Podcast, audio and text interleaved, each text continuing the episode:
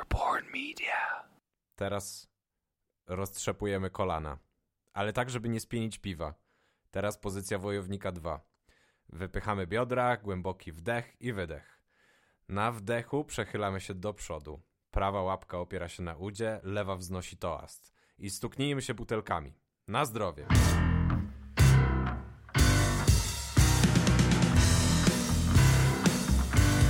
Nazywam się Krzysztof Nowak i będę bronił jogi przed złem. A ja Michał Kasprzyk i chętnie pójdę na beer jogę. A to jest do początku. Czyli podcast o tym, jak różne rzeczy się zaczęły. W tym odcinku opowiem wam o jodze, a Michał będzie słuchaczem, tak jak wy.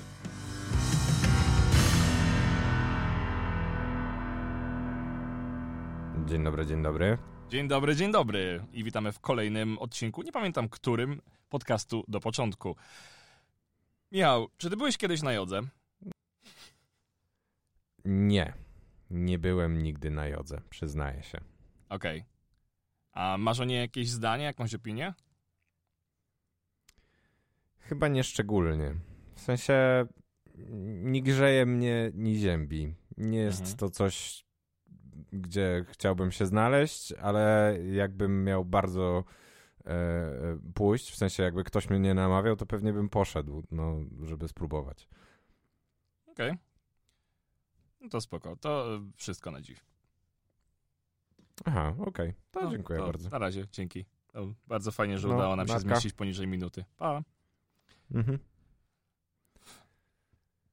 A tak na serio? A tak na serio, y, to nie przedłużając, jak nie trudno się domyślić, dzisiejszy odcinek będzie dotyczył właśnie jogi.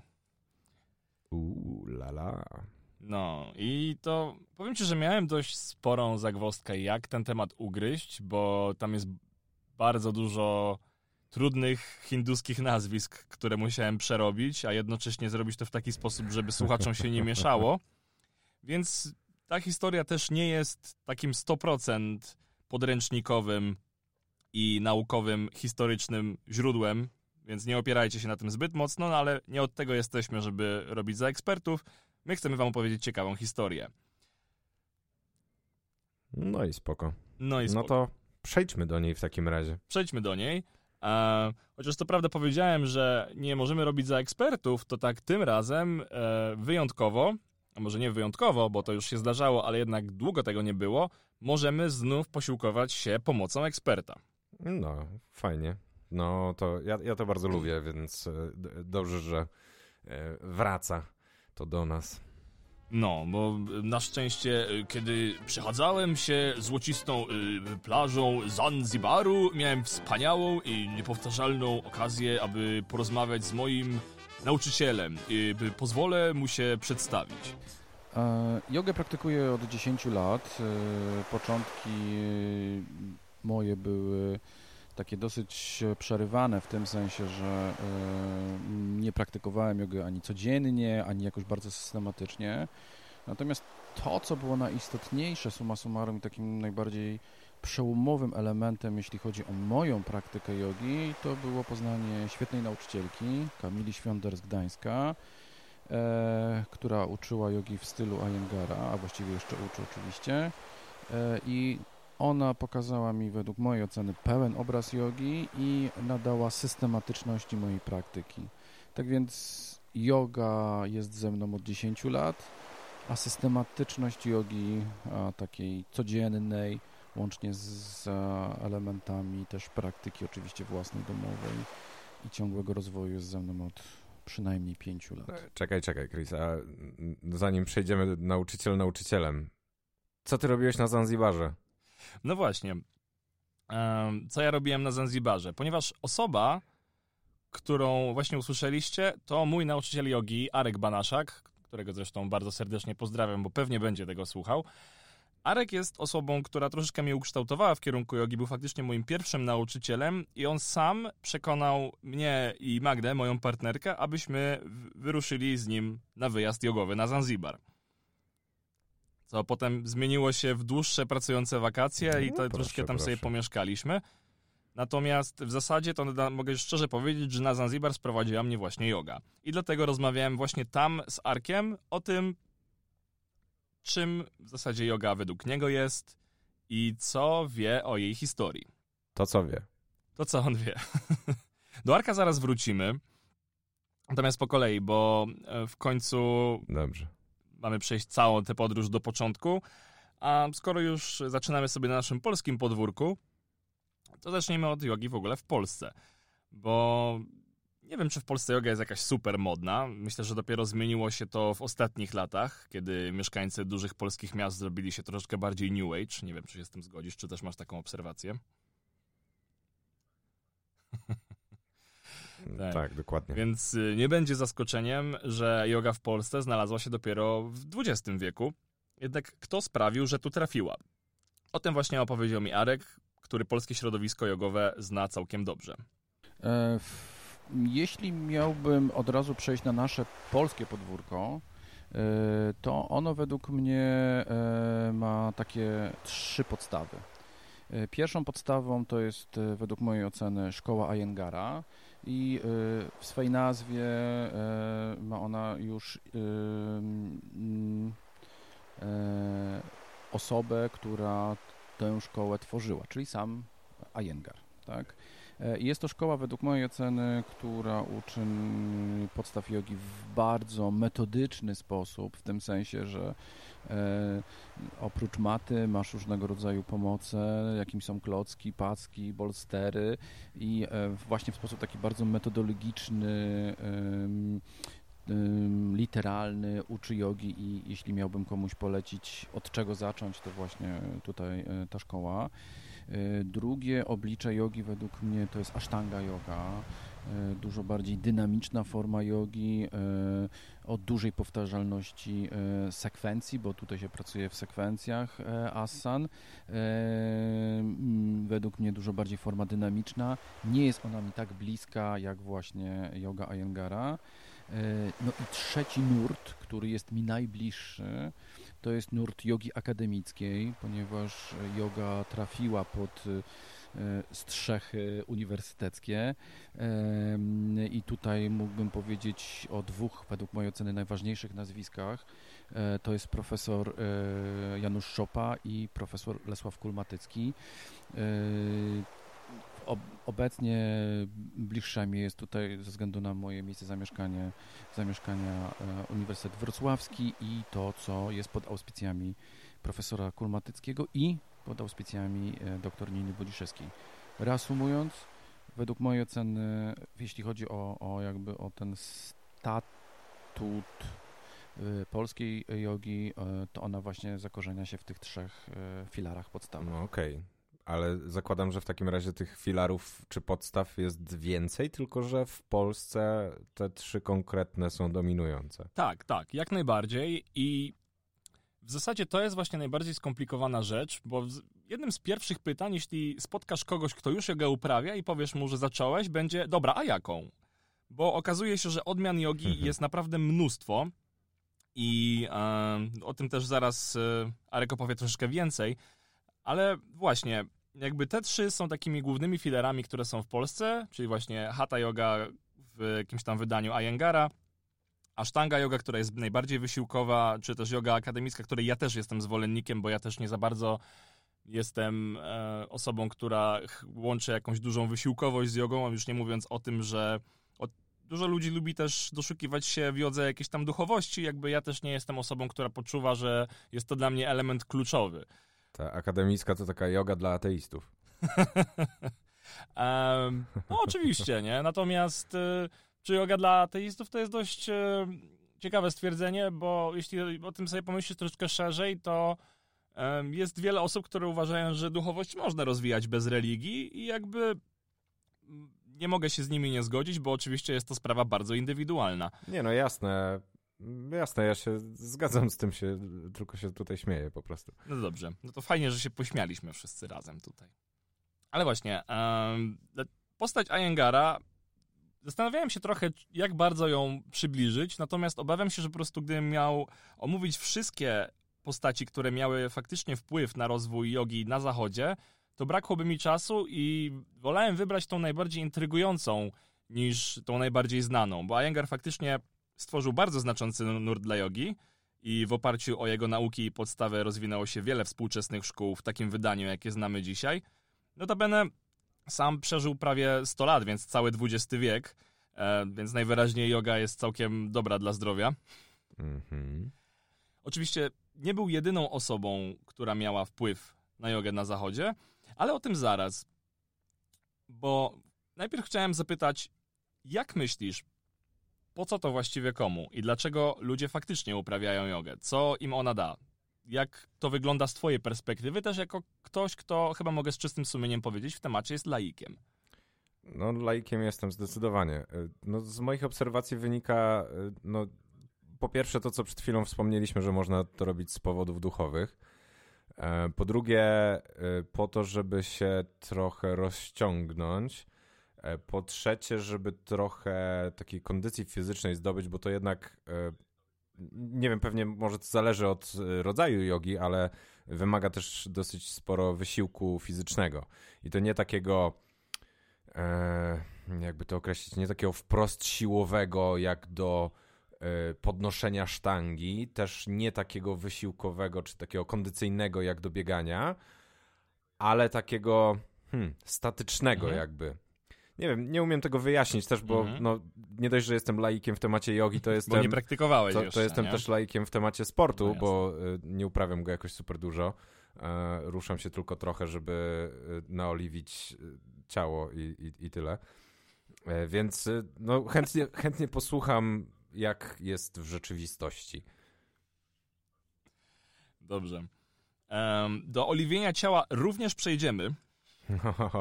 Czy trafiłem? Poniekąd. E, nie, dobra, troszeczkę, e, troszeczkę zaczynam e, tutaj czarować niepotrzebnie. Natomiast faktycznie jak najbardziej trafna jest Twoja analiza tematu z, z perspektywy takiej zewnętrznej. Ja też jako entuzjasta chciałem podzielić się ze słuchaczami tym, co Arek ma do powiedzenia na ten temat, bo wydaje mi się, że ująłby to dużo lepiej niż ja jestem w stanie. Jako, że on praktykuje jogę od kilkunastu lat, ja od roku, więc różnica jest dość spora. I, ja myślę, że e, każdy musi poszukać z, e, e, jakby swoją jogę, jeśli mogę użyć takiego słowa, w tym sensie, że, że w ramach tak dużego obszaru, jaką daje yoga i obszaru tego aspektu fizycznego, ale też i tego mentalnego, związanego z oddechem, związanego z, z medytacją, każdy może znaleźć sobie w tym nurcie coś dla siebie. E, I to jest według mnie najważniejsze. Jak to odnaleźć? według mojej oceny, poprzez odnalezienie najpierw swojego nauczyciela. To jest według mnie najistotniejsze e, i w tym nurcie dalej się rozwijać. Czy będzie to nurt akademicki, czy Ayengara, czy Ashtanga, czy Kundalini, e, yoga, e, czy jakakolwiek inna yoga, bo przecież jest nawet, mm, są takie e, odgałęzienia, jak oczywiście air yoga, jak, jak coś, co jest dla mnie kompletnie niezrozumiałe, jak beer yoga, o, a dla mnie bardzo intrygujące beer yoga. Ale do tego może za chwilę przejdźmy. Pewnie też planujesz rozwinąć ten temat. Ja chciałem powiedzieć, że ja bardzo szanuję takie podejście, gdzie nie narzuca się komuś, że to jest jedyna słuszna yoga. Wca wcale nie jest, ta moja wypowiedź nie jest analogią do czegoś innego. E, tylko właśnie daje się szansę na to, żeby znaleźć swoją, tą, która najbardziej odpowiada, bo e, no znowu wyobrażam sobie, że jedna jest bardziej wysiłkowa, druga bardziej na rozciąganie, jakaś inna bardziej duchowa i tak dalej, i tak dalej. E, mają pewnie jakieś swoje otoczki i ta, która będzie dla mnie najlepsza, to tą wybiorę. I tak powinno być rzeczywiście. Czyli beer yoga dla ciebie. No, po nazwie. po nazwie brzmi bardzo dobrze. Ale nie wiem, z czym się wiąże.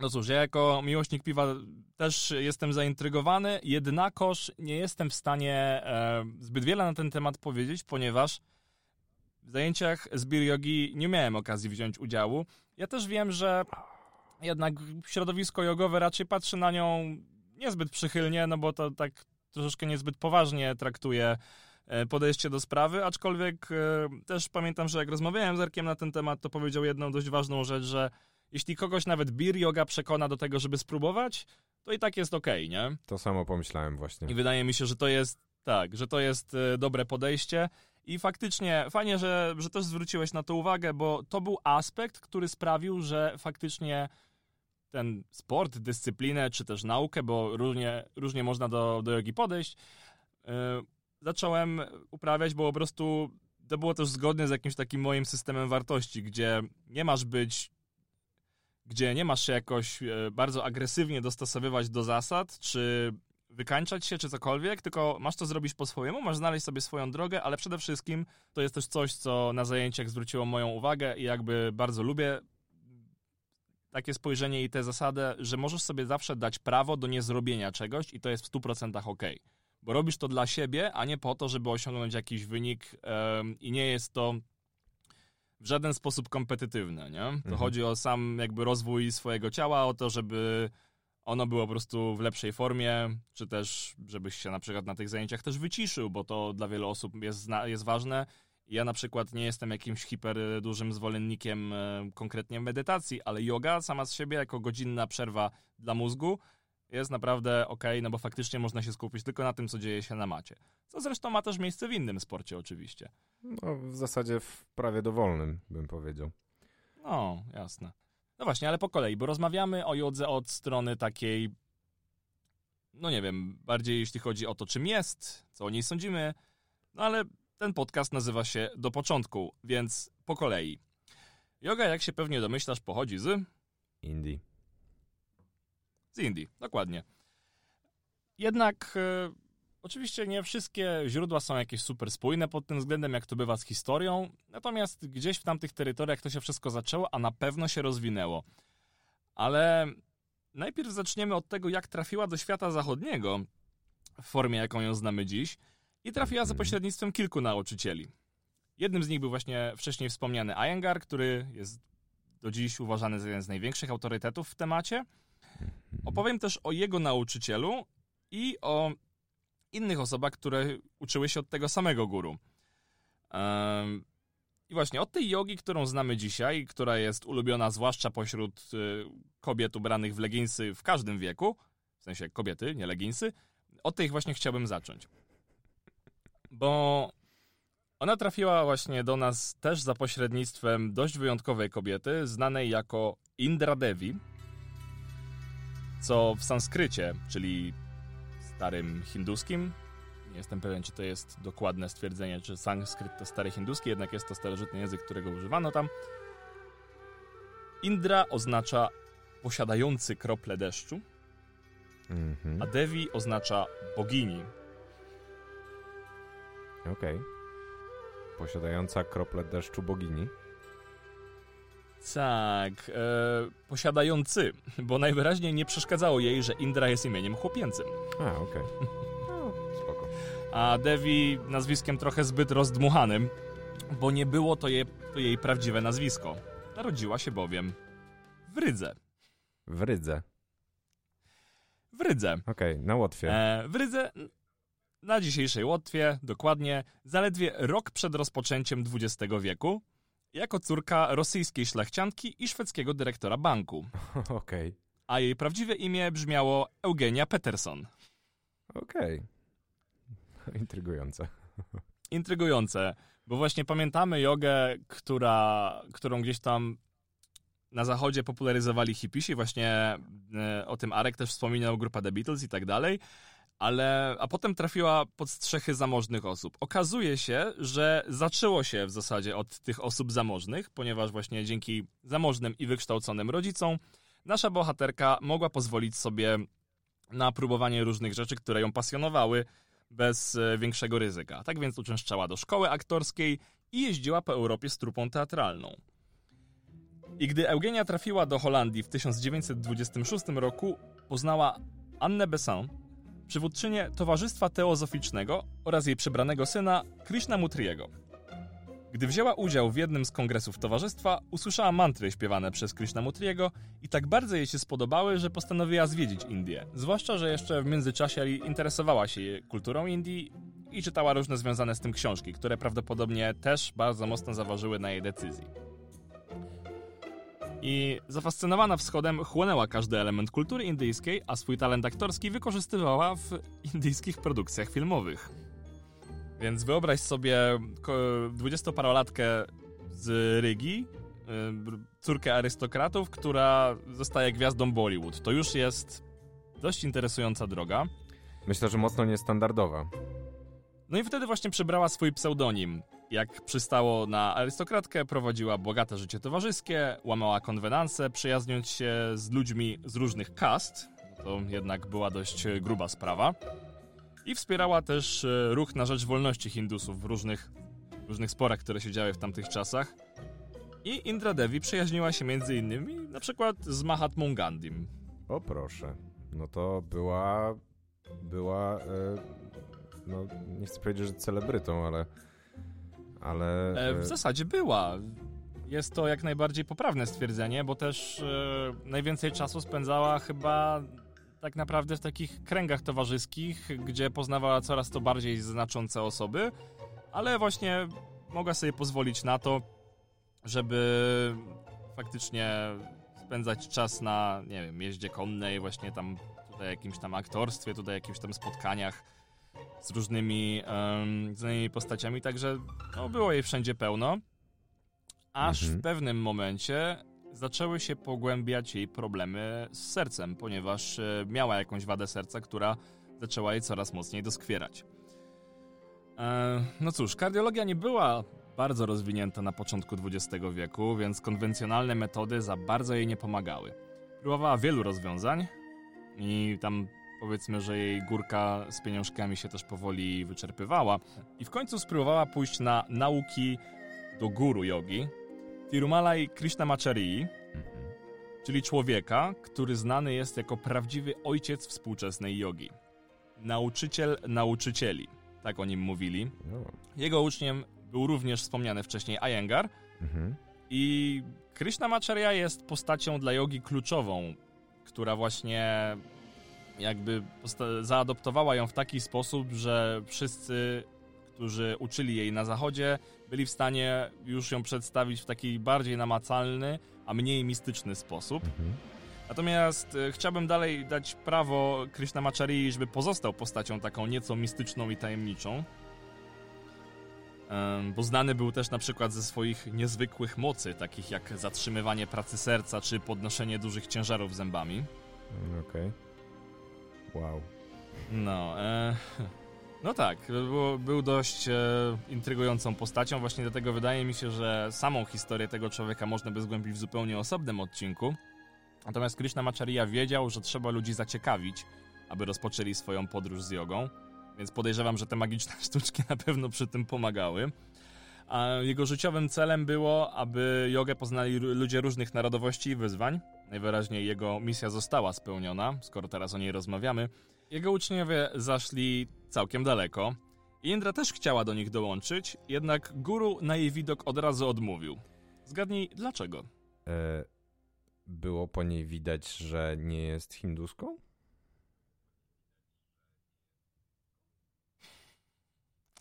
Również, ale powód był trochę bardziej przykry. Jaki? Dlatego, bo była kobietą. A, no dobrze.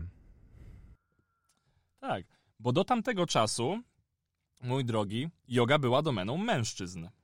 To nawet nie miałem pojęcia, bo patrząc na to, jak to teraz wygląda, to mam wrażenie, że. Znaczy, znowu, ja nigdy nie byłem na zajęciach, ale e, patrząc na jakichś moich znajomych i nie wiem, zdjęcia jakichś zajęć, które mi się, nie wiem, może na Facebooku gdzieś pojawiają, no to jednak wydaje mi się, że to więcej kobiet uprawia jogę teraz. I, tak, jest to jak najbardziej prawda, bo na przeciętnych zajęciach jogi tak na 8-9 kobiet przypada jeden mężczyzna. Mhm. No właśnie. Więc właśnie, jak do tego doszło? Nie wiem. No wie, wiem. A ty wiesz, ale ja nie wiem. Otóż, no właśnie, co trzeba było zrobić, żeby e, żeby Krishna Macharya uległ? No, y, udało się to hmm. zrobić, ponieważ Indra szczęśliwie tak się składa, że kolegowała się z panem Maharadżą Majsuru i pan Maharadża po prostu postawił sprawę jasno, że ma zostać jego uczennicą. Krótka piłka z jego strony. Tak, tak. Dlatego widzisz, bycie e, takim celebrytą, czy jak to się mówi, social butterfly, e, miało znaczenie i faktycznie okay. jej pomogło, bo mhm. mogła w ten sposób zacząć praktykę u mistrza, która jednak była bardzo restrykcyjna, bo nie zamierzał on dawać jej taryfy ulgowej tylko i wyłącznie dlatego, bo była koleżanką Maharadży. Miała praktykować tak samo jak wszyscy. No i tam było dość e, specyficznie, bo oczywiście z diety trzeba było wyjąć kawę, herbatę, biały cukier, mąkę, ryż oraz jedzenie z puszek. Ja wiem, straszne rzeczy, nie jeść jedzenia z puszek. Ale... No, dramat. Okazuje się, że guru miał bardziej e, kuriozalne wymagania. Na przykład dopuszczalne było jedzenie tylko tych części warzyw, które rosną nad ziemią. O kurde. No to, to dziwne. No, no nie wiem, co jest złego w tym, że marchewka rośnie pod ziemią, no ale okej, okay, no jakby trudno, no. no zawsze można jeść e, Zasady nać. to zasady. Tak, także nać zawsze spoko, nie? No, jakby to wiesz, to jeszcze były, było zanim pietruszka kosztowała tyle co dzisiaj, więc no, można było przynajmniej sobie pozwolić na pietruszkowe ekscesy. Przeskoczmy jednak troszeczkę w czasie, e, oszczędzając się tylko do stwierdzenia, że naszej bohaterce szło świetnie. I pod koniec lat 30. mąż Indry został służbowo przeniesiony do Szanghaju. Jej guru powiedział, hmm. dobrze, w takim razie będziesz uczyć jogi w Szanghaju. Założyła tam swoją okay. szkołę. Na jej zajęcia uczęszczali Amerykanie, jak i Rosjanie, którzy też w Szanghaju załatwiali jakieś interesy. I w 1947 roku przeprowadziła się do Stanów, nastawiając styl nauczania do zachodnich standardów. A że Zachód rządzi się innymi prawami, jak myślisz, jak to wyglądało? Nie mam zielonego pojęcia. Nawet nie wiem, gdzie zacząć opisywanie. Nic nie szkodzi, na szczęście od tego mamy Arka, Niestety cały czas y, myślimy mm, przez pryzmat y, naszego dobrego wyglądu, bo taka jest kultura y, obecnie postrzegania naszego ciała i yoga daje tę możliwość. Niewielki procent ludzi chciało, dostrzega w jodze jeszcze dodatkowy element, ten element mentalny. Jeśli posługujemy się już, e, e, jeśli posługujemy się już e, cytatami, to mm, jednym z pierwszych elementów mówiących o tym, jaka powinna być pozycja, to jest, to cytując, to jest to sthira sukham asanam, czyli że pozycja powinna być statyczna, a przy okazji wygodna. Więc tutaj są te, te dwa elementy, one po, powinny być połączone ale sam wiesz doskonale, że nawet w pozycji siedzącej, jeśli się jest dłużej niż 10, 15, pół godziny, e, to może ona stać się bardzo, bardzo męcząca. Żeby przygotować się dobrze do pozycji siedzącej, według mojej oceny, trzeba dobrze rozciągnąć ciało, trzeba mieć mocne ciało i w tym pomagają nam innego typu asany. Czy już nawiązując do Twojego wprost pytania, jest niewielki procent osób, które chce zobaczyć i zauważyć w jodze więcej niż, niż jogę posturalną, fizyczną, bo takie są po prostu tendencje. Czy to dobrze, czy źle? Myślę, że to dobrze. Najważniejsze, żeby rozpocząć tę ścieżkę, a jeśli w tej ścieżce znajdziesz jeszcze coś więcej, czyli, czyli to w jaki sposób filozofię jogi, czyli jamy i nie jamy, czyli nasze postawy etyczne, jak się zachowywać, jak traktować środowisko, jak traktować zwierzęta, jak traktować innych ludzi, E, jak traktować siebie, e, to fajnie. Jeśli tego nie znajdziesz i pozostaniesz przy jodze fizycznej, posturalnej, to również dobrze. No i czyli w zasadzie to, co mówiłem wcześniej, że fajnie, że każdy może znaleźć coś, co będzie mu odpowiadać. No właśnie, ale jeśli, jak się okazuje, e, jeśli chodzi o Indra Devi, to wszystkie te aspekty spirytualistyczne i cała jej mistyczna persona, jako już e, na zachodzie guru jogowy sprawiły, że ludzie zaczęli traktować jogę z takim, no, pewnym namaszczeniem i zafascynowaniem. Warto zaznaczyć, że Indra Devi wykorzystywała też e, właśnie dużo jakby też środków językowych, czy ubierała się w dość specyficzny sposób, że ona robiła za tą taką mistyczną e, właśnie guru, która przywędrowała tam, żeby, żeby uczyć jogi i ludzie byli nią zafascynowani absolutnie. Natomiast właśnie warto zaznaczyć, że coś, co ona zrobiła, co sprawiło, że yoga wygląda tak jak dzisiaj, jeśli chodzi o przy, o to, że kiedy przychodzisz na zajęcia, to widzisz jednak więcej kobiet. No właśnie, brało się stąd, że wykorzystywała jogę jako środek, który pozwala wyzwolić e, poczucie kobiecości. I jakby to była część takiej jej misji. I właśnie za jej sprawą yoga na zachodzie stała się czymś, co uważa się za domenę kobiet. I tak z domów bogatych pań yoga zaczęła przenosić się pod strzechy, ale nie tylko Indra Devi i Iyengar byli popularyzatorami tej nauki. Um. Mhm. Kto jeszcze? Trafiła na zachód y, według mnie właśnie dzięki w dużej mierze Iyengar, Iyengarowi, e, ale też dzięki takim osobom jak na przykład y, y, jak członkowie grupy The Beatles. ponieważ oni y, w, w, pewnym okresie swojego czasu, y, nie tylko oni oczywiście, y, w pewnym okresie swojego czasu też zaczęli szukać czegoś więcej. Oczywiście jest to generalnie związane z, z modnym nurtem też w latach 70. hipisowskim, a więc poszukiwania, poszukiwań związanych z, z własnym rozwojem i wydawać by się mogło, że Indie idąc dalej mm, religie wschodu dają taką, taką możliwość. E, a Jengar, e, według mojej oceny, e, po to też stworzył te wszystkie mm, dodatkowe pomoce, po to, żebyśmy my ludzie, my ludzie Europy, a w pierwszej kolejności tak naprawdę mm, ze Stanów Zjednoczonych, bo mocno rozwinęła się najpierw yoga w Stanach Zjednoczonych, żebyśmy mogli w ogóle wykonywać te asany przy naszych dużych dysfunkcjach. E, więc według mojej oceny właśnie Iyengar, który sam miał ogromne kłopoty zdrowotne, sam miał ogromne kłopoty zdrowotne, e, e, stworzył te pomoce i umożliwił nam tak naprawdę praktykowanie jogi. Reasumując, jeśli chodzi o ten mój trochę przydługi monolog, yoga trafiła pod strzechy według mnie dzięki znanym osobom i postaciom, bo one y, z, z kultury, szeroko rozumianej kultury y, światowej, bo one były tym bodźcem, żeby, żeby oczywiście to, żeby jogę praktykować. Fajne, że jogę dostosowywano do warunków fizycznych ludzi. To uważam, że to, to, to jest fajne. E, I nie miałem pojęcia, że Beatlesi byli takimi e, zwolennikami. No, to bardzo też była ciekawa rzecz. E, też było dla mnie dość spore zaskoczenie. E, no właśnie, i, czyli te lata 60. i 70., aż do 70. jeszcze wrócimy, miały dość duże znaczenie dla jogi na zachodzie. I właśnie te wszystkie trendy hipisowskie, takiego powiedzmy wcześniejszego New Age też pozwoliły na zyskanie jej popularności pośród tych, którzy faktycznie chcieli rozwijać tę duchowość. Tylko, że to tak nie jest do końca prawda z tą duchowością. Bo yoga to nie religia. E, z odpowiedzią, czym tak naprawdę oryginalnie jest, przyszła mi Wendy Doniger, e, profesor religii na Uniwersytecie w Chicago. Znaczy, to znaczy, z nią nie rozmawiałem, żeby była jasność, bo ten odcinek już jest dość długi. E, ale udało mi się znaleźć jej wypowiedzi, która wypowiadała się na ten temat e, i zebrałem te informacje do kupy.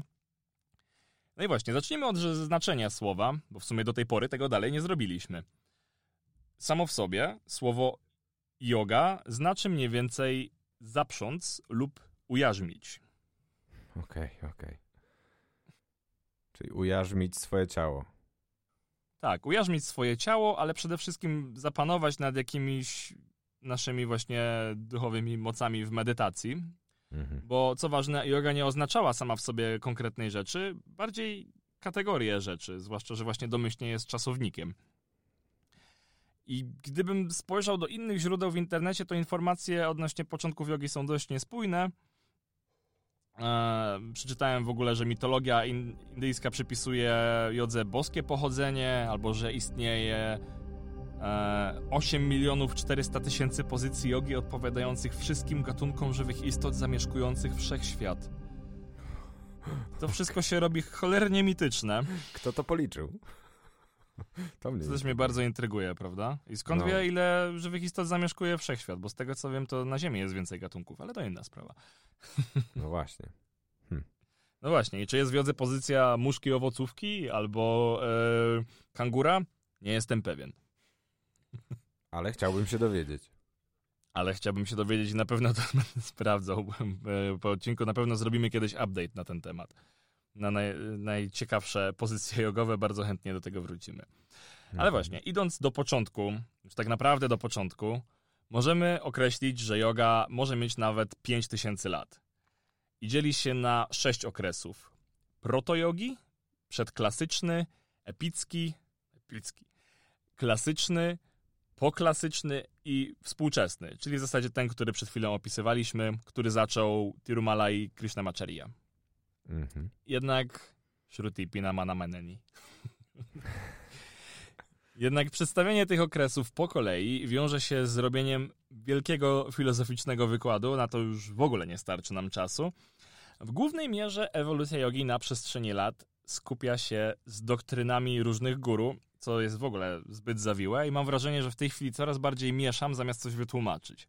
Mhm. Więc można jednoznacznie stwierdzić, że to w okresie klasycznym, gdzieś w połowie drogi w III wieku przed naszą erą, wprowadza się do jogi asany, czyli pozycje związane z wysiłkiem fizycznym i faktycznie e, ta część ruchowa dopiero wtedy faktycznie się zaczyna.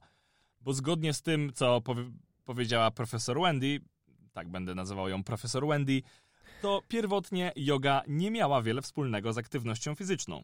Przeciwnie, skupiała się na siedzeniu. Okej. Czyli była Jak myślisz, bliższa dlaczego? medytacji. Była bliższa medytacji, ale jak myślisz, dlaczego była, miało najwięcej sensu, żeby były, miała formę statyczną? Być może wiązała się ze spożyciem substancji jakichś? E, Nie, na szczęście nie było to aż tak, e, aż tak bardzo medytatywne i szamańskie e, określenie. Wbrew pozorom odpowiedź jest bardzo prosta. Ludzie wtedy pracowali niemal wyłącznie fizycznie, więc najważniejsze nie było rozciąganie swojego ciała zastanego od siedzenia przed komputerem A, i trwanie w trudnych pozycjach, tylko uspokojenie go po dniu ciężkiej pracy. a, no dobrze. E, No, moje moje wytłumaczenie uważam za lepsze. Znaczy, ono jest na pewno ciekawsze. Niestety rzeczywistość nie zawsze jest jakaś super ciekawa. No i w, tutaj e, właśnie chodziło o tą medytację, która miała pozwolić na takie wewnętrzne wyciszenie i spokój ciała i ducha. E, I postanowiłem to zweryfikować również z Arkiem, czy faktycznie tak było. Zobaczmy, co Arek miał na ten temat do powiedzenia. E, To jest dobre pytanie. E, Tak jak wspomniałem, k- to jest 3,5 tysiąca lat doświadczeń. E, Ja mówię 3,5 tysiąca, ktoś inny może powiedzieć 5 tysięcy, więc to, to też nie należy trzymać się tego tak bardzo literalnie. E, Są pierwsze, pierwsze wzmianki, chociażby w Hatha Pradipice.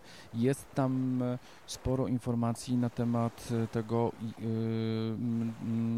temat pierwszych pozycji jogowych i uwaga, to było raptem kilkanaście asan e, i to były asany, głównie asany siedzące, e, ponieważ, a właściwie wyłącznie, ponieważ to, e, to one mm, nadawały potem sens temu, że, żebyś mógł w tej pozycji praktykować i medytować. Ostatnie 100-200 e, lat to jest ten rozwój tej posturalnej, fizycznej jogi, która stety albo niestety e, stała się głównym nurtem e, e, postrzegania przez nas jogi, e, a samo słowo yoga i geneza jego to jest, e, to jest łączyć, jednoczyć. Pytanie co? Otóż według mojej oceny łączyć ciało i stan umysłu. Więc yoga to nie tylko i wyłącznie e, nasza fizyczność, ale to również nasz rozwój duchowy, mentalny. Właśnie. No właśnie, więc cały problem polega na tym, że no niestety z jogą w dalszym ciągu trwają dyskusje, jak to tak do końca było i nie wszystko jest tak w 100% ze sobą zgodne. Okej. Więc y, no też y, jakby inną, troszeczkę inna wersja trafia do wielu praktyków jogi, a trochę inną mają historycy i oni w ogóle są zdania, że trochę się ze sobą kłócą. Aha. Okej. Jak to teoretycy z myślę, że- praktykami. No, troszeczkę tak, tak to zazwyczaj wygląda. Natomiast no, ważne jest to, że faktycznie jakby jej działanie się zgadza i każdy może ją potraktować jak chce i wydaje mi się, że to jest jej największa zaleta. No i nie wyklucza to, że podczas medytacji możesz dokładać sobie tam elementy modlitewne, jeśli tobie się to podoba. Jeśli na zasadzie, jeśli na zachodzie ten jej efekt uboczny, który powstał gdzieś tam w jej połowie drogi, czyli wysiłek fizyczny, został potraktowany jako ta popularniejsza część, no to też super. No i Mhm. doprowadza to do tego, że właśnie powstała ta yoga funkcjonalna, czyli bez żadnego spiry- spirytualistycznego tiruriru. No i przynajmniej jako sceptyk zgadzam się z tym, że go w niej być nie musi. Jak wcześniej wspomniał Arek, każdy ma swoją jogę i każdemu jego pornografia. Więc kończąc temat, jakie ty masz teraz nastawienie do jogi jako całości i co w ogóle o, o tym wszystkim sądzisz? No, mi się bardzo podoba to, że każdy ma swoją jogę i że nikt cię do niczego nie będzie zmuszał, że również w trakcie ćwiczeń, nie? Bo to wybór rodzaju jogi to Mhm. jedno, a dwa, że jak jakiegoś ćwiczenia nie jesteś w stanie zrobić, to, to, to nie musisz, bo robisz to dla siebie, co jest w ogóle mega fajne. E, Nie jestem przekonany, czy sam z siebie pójdę kiedyś na jogę, ale wciąż jestem otwarty na to, żeby, e, żeby pójść, jak ktoś będzie chciał mnie bardzo wyciągnąć. Chciałbym zrobić, chciałbym zrobić follow-up do tego odcinka, w którym cię na, na nią przytaszczę i trochę jak... e, mam nadzieję, że będziemy mieli taką możliwość. Wiesz co, jak weźmiesz na, mnie na beer jogę, to idę w ciemno. Dobra. E, consider it done. Tak więc e, słuchacze, słyszeliście też dobrze. Jeśli wezmę Michała na beer jogę, to przyjdzie, więc was też również zapraszam bardzo serdecznie. A teraz, no właśnie. W takim razie to wszystko już w tej części i zapraszamy jak zawsze po przerwie. Po przerwie, po której jogi będę musiał bronić ze względu na historię, która wywraca wszystko do góry nogami. O, to przejdźmy do tej drugiej części. A nie, czekaj, przerwa, dobra. To przerwa i szybko wracamy.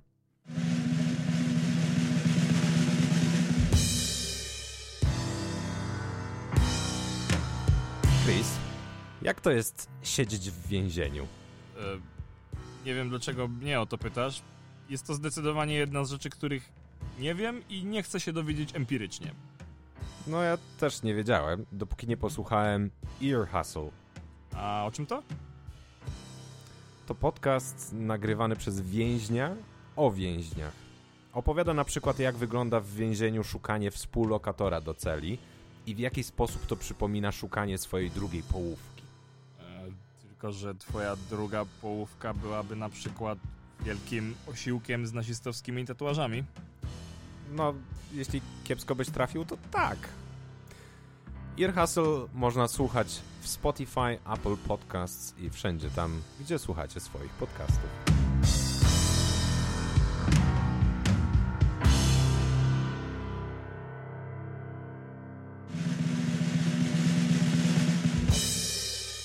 No, przerwa nam się skończyła, więc Chris, dawaj, broń jogi. Tylko najpierw mi powiedz przed czym.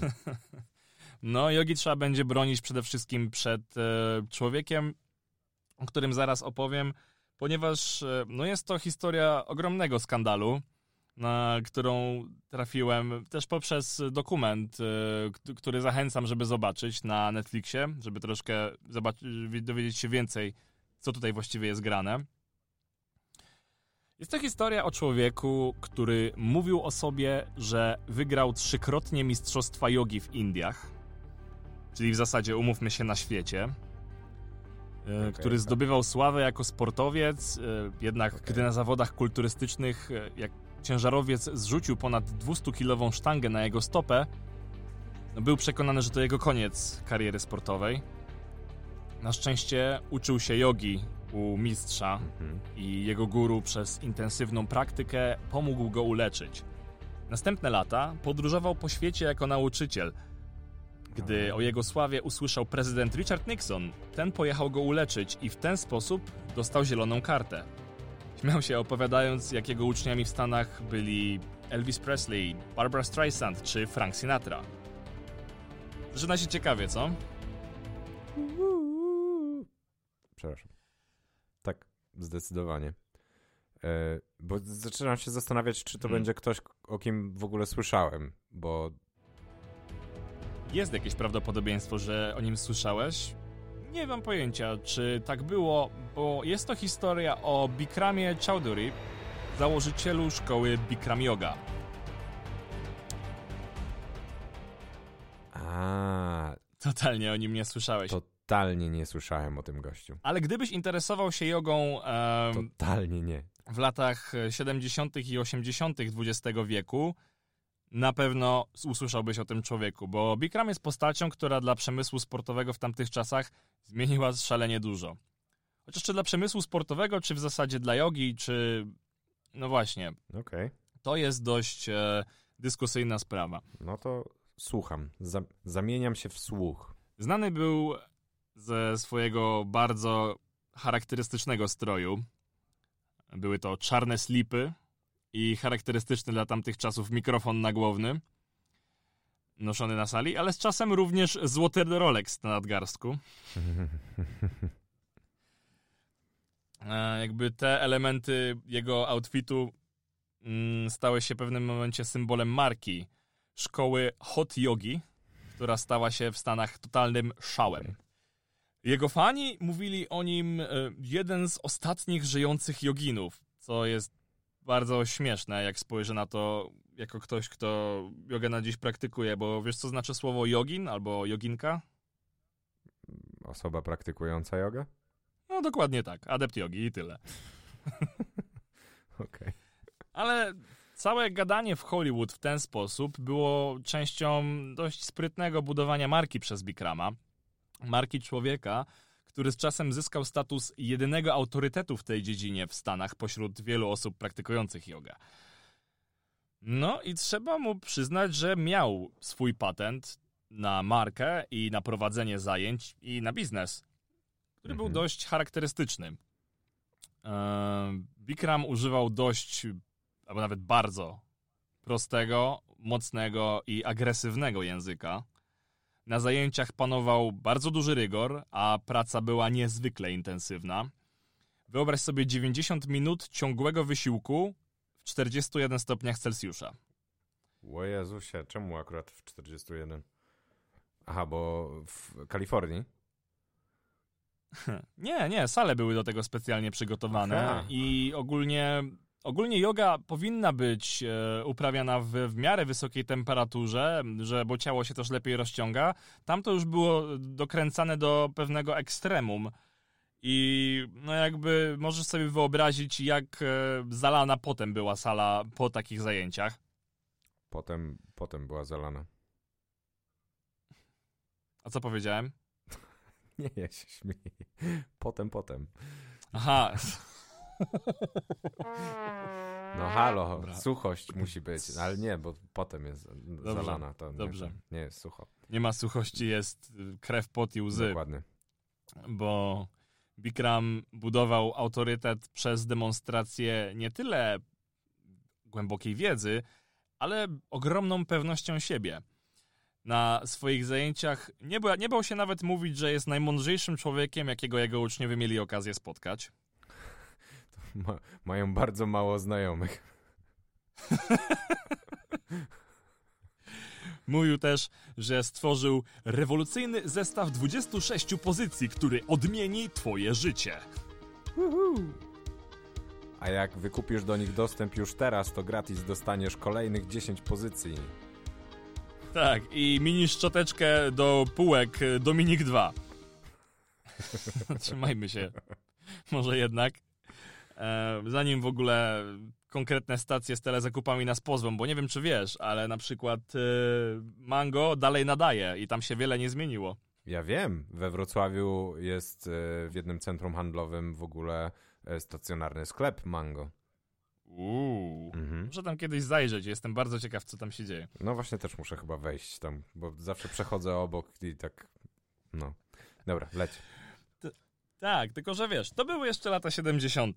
I nie jestem pewien, w ilu y, szkołach jogi ktokolwiek, zwłaszcza dzisiaj, spojrzałby przychylnie na człowieka, który prowadząc swoje zajęcia, zwyzywa cię od jebanych grubasów, powie, że masz ciężko zapierdalać i wynocha z jego maty, jak ci się nie podoba, że nie wychodzisz, choćbyś wykitował, przerw na siku nie ma i zawiąż sobie interes na supeł, jak ci się chce sikać.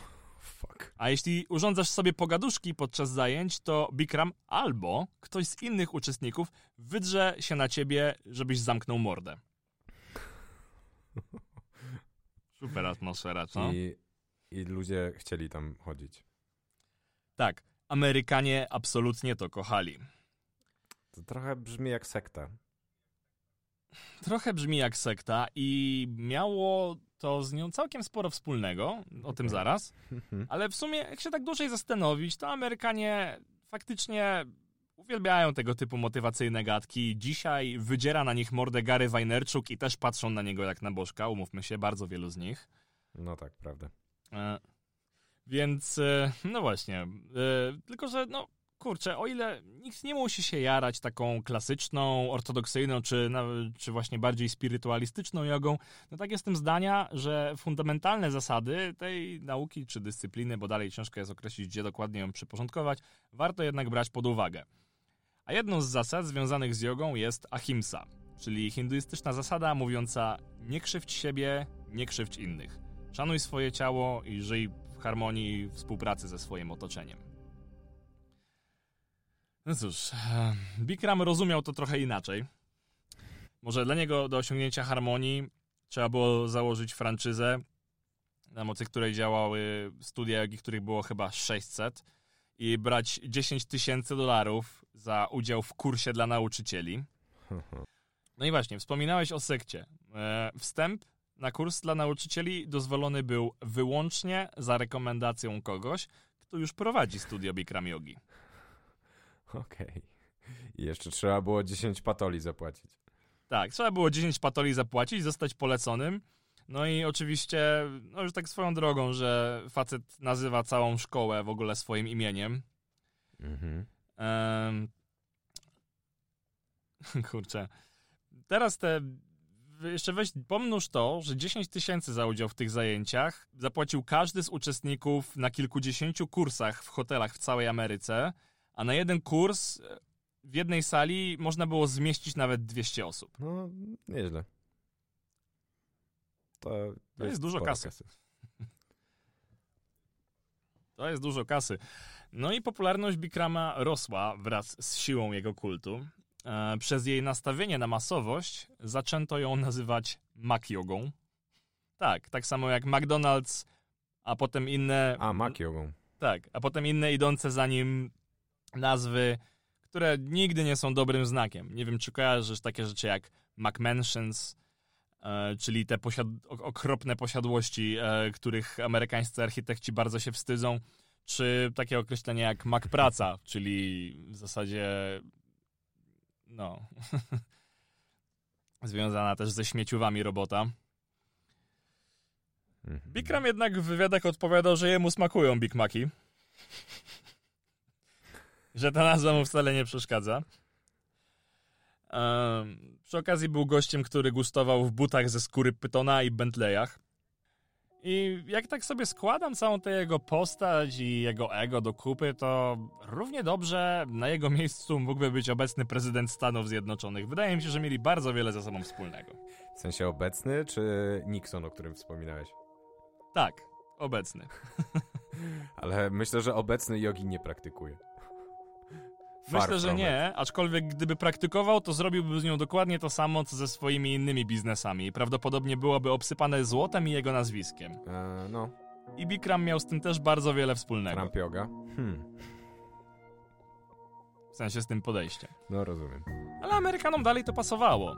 Oni byli przekonani, że wyłącznie Bikram może ich nauczyć, jak zostać nauczycielem jogi. Mhm. E, kult tego człowieka był tak wielki, e, że byli zapatrzeni w niego jako jedyny autorytet w dziedzinie. Zapomnieli o wszystkim, co właśnie na zachodzie robili tacy ludzie jak Iyengar, co robiła w Stanach Indra Devi trochę wcześniej. No w końcu, y, no w końcu był jednym z ostatnich joginów. No w końcu był jednym z ostatnich joginów, dokładnie. No i to środowisko było dość duże i niestety właśnie robiło, e, robiło dość przykrą e, renomę Jodze, ale o tym zaraz, bo Bikram prowadził swoje zajęcia siedząc na swoim tronie w jakimś drogim, świecącym ciuszku już później. Ludzie traktowali go jak guru do takiego stopnia, e, że masowali mu stopy po treningu, mimo że to on siedział, a oni byli wykończeni. Fuck.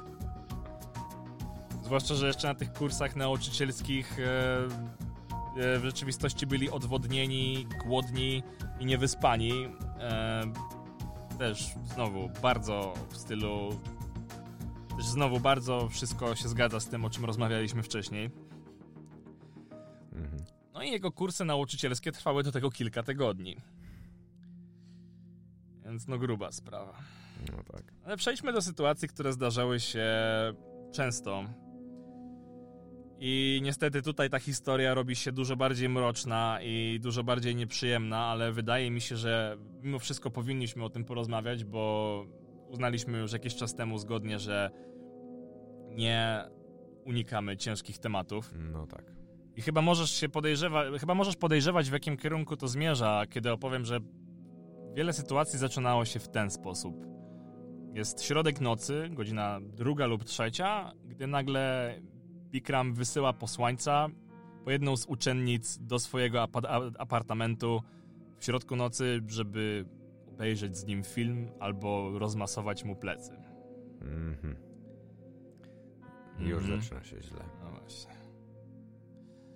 Zaczyna się źle i jakby, nie wiem, ciężko mi jest w ogóle przepuścić przez usta rzeczy, które- do których dochodziło, bo nie mogę tego nawet nazwać incydentami, bo Bikram e, miał swoje podejścia wielokrotnie. Jak się okazuje, bardzo wiele kobiet skrzywdził, ale problem polegał na tym, że jego ofiary były tak zmanipulowane i tak zapatrzone w swojego guru, że nawet gdy udało im się powstrzymać od próby gwałtu, i tak wracały na zajęcia i dalej traktowały go jak swojego mistrza. Właśnie, to jest problem z sektami, nie? Mało tego, to nie kobiety, które zostały przez Bikrama zgwałcone, robiły to samo, bo wiedziały, że ich kariera w jodze by się skończyła. Bo to jest jedyna rzecz, którą się zajmują. Dostały się na bardzo ekskluzywny kurs. I no właśnie, tutaj zaczynał się ten sam problem, co w innych miejscach, między innymi w Hollywood, w których po długich latach ruch e, mitu dał kobietom odwagę opowiedzieć, dlaczego w tej całej sytuacji milczały. Mhm. No i właśnie nie chciałem poruszać takiego ciężkiego tematu na początku i miałem z tym spory problem, bo w kontrze do tego, jak przyjemną i zdrową rzeczą jest yoga, to jestem zdania, że czasami no, no, trzeba jednak o tym spo, wspomnieć, bo podcast czy nie, no dialog chyba jednak powinien mieć miejsce. No oczywiście. I w sumie jeśli spojrzę na to z perspektywy, to chyba należy pamiętać, że zło wciśnie się wszędzie, nawet w takie niepozorne miejsca. W przypadku Bikrama, jeśli spojrzeć na to od zewnątrz, to chyba od początku nie było wątpliwości, że ten człowiek no nie, nie do końca pasował do tej e, dziedziny i równie dobrze mógłby być instruktorem crossfitu albo pływania, czegokolwiek tak naprawdę. No wykorzystał po prostu modę. I trochę ją Wykorzystał po prostu modę, dokładnie. Tak, tak, albo właśnie ją wykreował. No i co dla mnie jest przerażające, robiąc research dowiedziałem się, że na przykład wiesz, w Polsce czy gdziekolwiek indziej na świecie w dalszym ciągu są studia, które mm, prowadzą Bikram jogę. O proszę. Ja bym się nie zdecydował już na pewno, nie? I jakby, no nie wiem, jakby wydaje mi się, że ktoś e, po prostu postanowił zignorować e, całą tę historię, albo oczywiście te decyzje zostały podjęte zanim e, to wszystko wyszło. No bo oczywiście ta historia się kończy na szczęście na tyle pozytywnie, na ile może. Oczywiście e, Bikram został postawiony przed sądem Mhm. To i e, okazuje się. Tak, i okazuje się, że e, co jest też w ogóle bardzo ciekawe, prawnicy też mówili, że ten, ten człowiek jakby potrafi kłamać na zawołanie, tylko że zmyśla takie farmazony, bardzo podobnie jak e, wymieniony wcześniej nie bez powodu Donald, e, że jest tak pewny ze swojej wielkości, że wierzy w każde kłamstwo, które opowiada. O kurczę. I gdy zeznawał w procesach, wymyślał absurdalne historie na bieżąco. Mhm.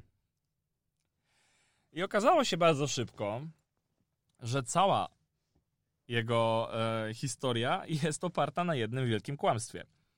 W sensie Mm, Nikt nie potwierdził jego geneza związana z No. jogą też. też. Wyobraź sobie, e, zawody w jodze w tamtych czasach nie było czegoś takiego jak kompetytywna yoga w Indiach. No właśnie tak mnie to trochę zastanawiało i nie wiem w sumie czemu nie zadałem No tego nie? pytania. No wiesz, jakby ja też go na początku nie zadałem, aczkolwiek coś mi tam nie grało. No, no, no. Jeśli chodzi o historię o prezydencie Nixonie, to też nie ma żadnego dowodu, że coś takiego się w ogóle wydarzyło. Okej. Podobnie wszystkie te znane osoby, nikt z nich nie twierdził, że Bikram był ich nauczycielem. Okej. A jego 26 stworzonych pozycji, owszem, istnieją. Wszystkie istnieją w Hatha Jodze. Robiłem je na zajęciach. Bikrama nauczył e, go jego nauczyciel i w zasadzie jest to tylko wybranie konkretnej sekwencji z pozycji z Hatha Yogi, standardowych pozycji, standardowych asan, które w każdej innej odmianie jogi są znane.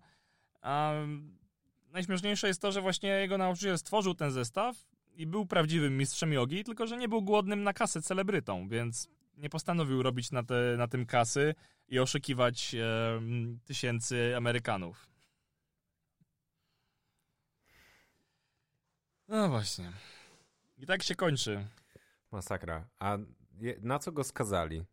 No niestety przykra końcówka jest taka, że Bikram nie znalazł się w więzieniu, gdzie jego miejsce, e, tylko zapłacił 6,5 miliona dolarów zadośćuczynienia swoim ofiarom, co co prawda doprowadziło go do bankructwa i jego sława i marka się skończyły, aczkolwiek wydaje mi się, że w dalszym ciągu problem polega na tym, że wciąż żyjemy w czasach, w których jeśli ktoś jest bogaty, to jest w stanie wymigać się od więzienia za takie zbrodnie jak gwałt. I wydaje mi się, że to jest temat, e, o którym trzeba częściej rozmawiać i to jest e, problem, z którym dalej nie jesteśmy w stanie się uporać, że ludzie, którzy dorobili się ogromnych pieniędzy i ogromnie zmanipulowali mnóstwo ludzi w dalszym ciągu, w pewnym sensie pozostają bezkarni. Zgadzam się. E, Pieniądze nie powinny być czymś, czym można załatwić e, pewne sprawy. A na pewno nie takie. Mhm. No, Bikram zasługiwał na dużo większą karę i no szkoda, że się jej nie doczekał. Natomiast no, w każdej dziedzinie możemy znaleźć historie, które są tego pokroju, które są bardzo przykre, które e, sprawiają ból niektórym osobom. No ale to też nie znaczy, że trzeba dyskredytować jakąś właśnie dziedzinę życia, czy sportu, czy jeszcze czegoś innego. No yoga sama w sobie zła nie jest. Wręcz wydaje mi się, że w pierwszej części Mhm. udowodniliśmy, że jest czymś, co każdy może wykreować dla siebie na własnych warunkach, co no, do mnie bardzo, bardzo przemawia, więc wydaje mi się, że powinniśmy też patrzeć na rzeczy z perspektywy takiej, że owszem, zło istnieje i ono się będzie czaiło, trzeba być na nie niestety też przygotowanym. Nie zawsze się da, jasne. Natomiast y, jest w wielu rzeczach też dużo dobra i z tego dobra po prostu trzeba korzystać. To jest bardzo ładne podsumowanie, Michale, i dziękuję Ci za nie. A naszym słuchaczom chciałbym podziękować, że tego odcinka podcastu do początku słuchaliście do końca. To już wszystko na dziś e, i do usłyszenia w niedalekiej przyszłości, ponieważ teraz niestety nie możemy sobie pozwolić na to, żeby obiecać Wam, że w każdym tygodniu usłyszycie odcinek, ale nie martwcie się, one będą ukazywać się i tak semi-regularnie.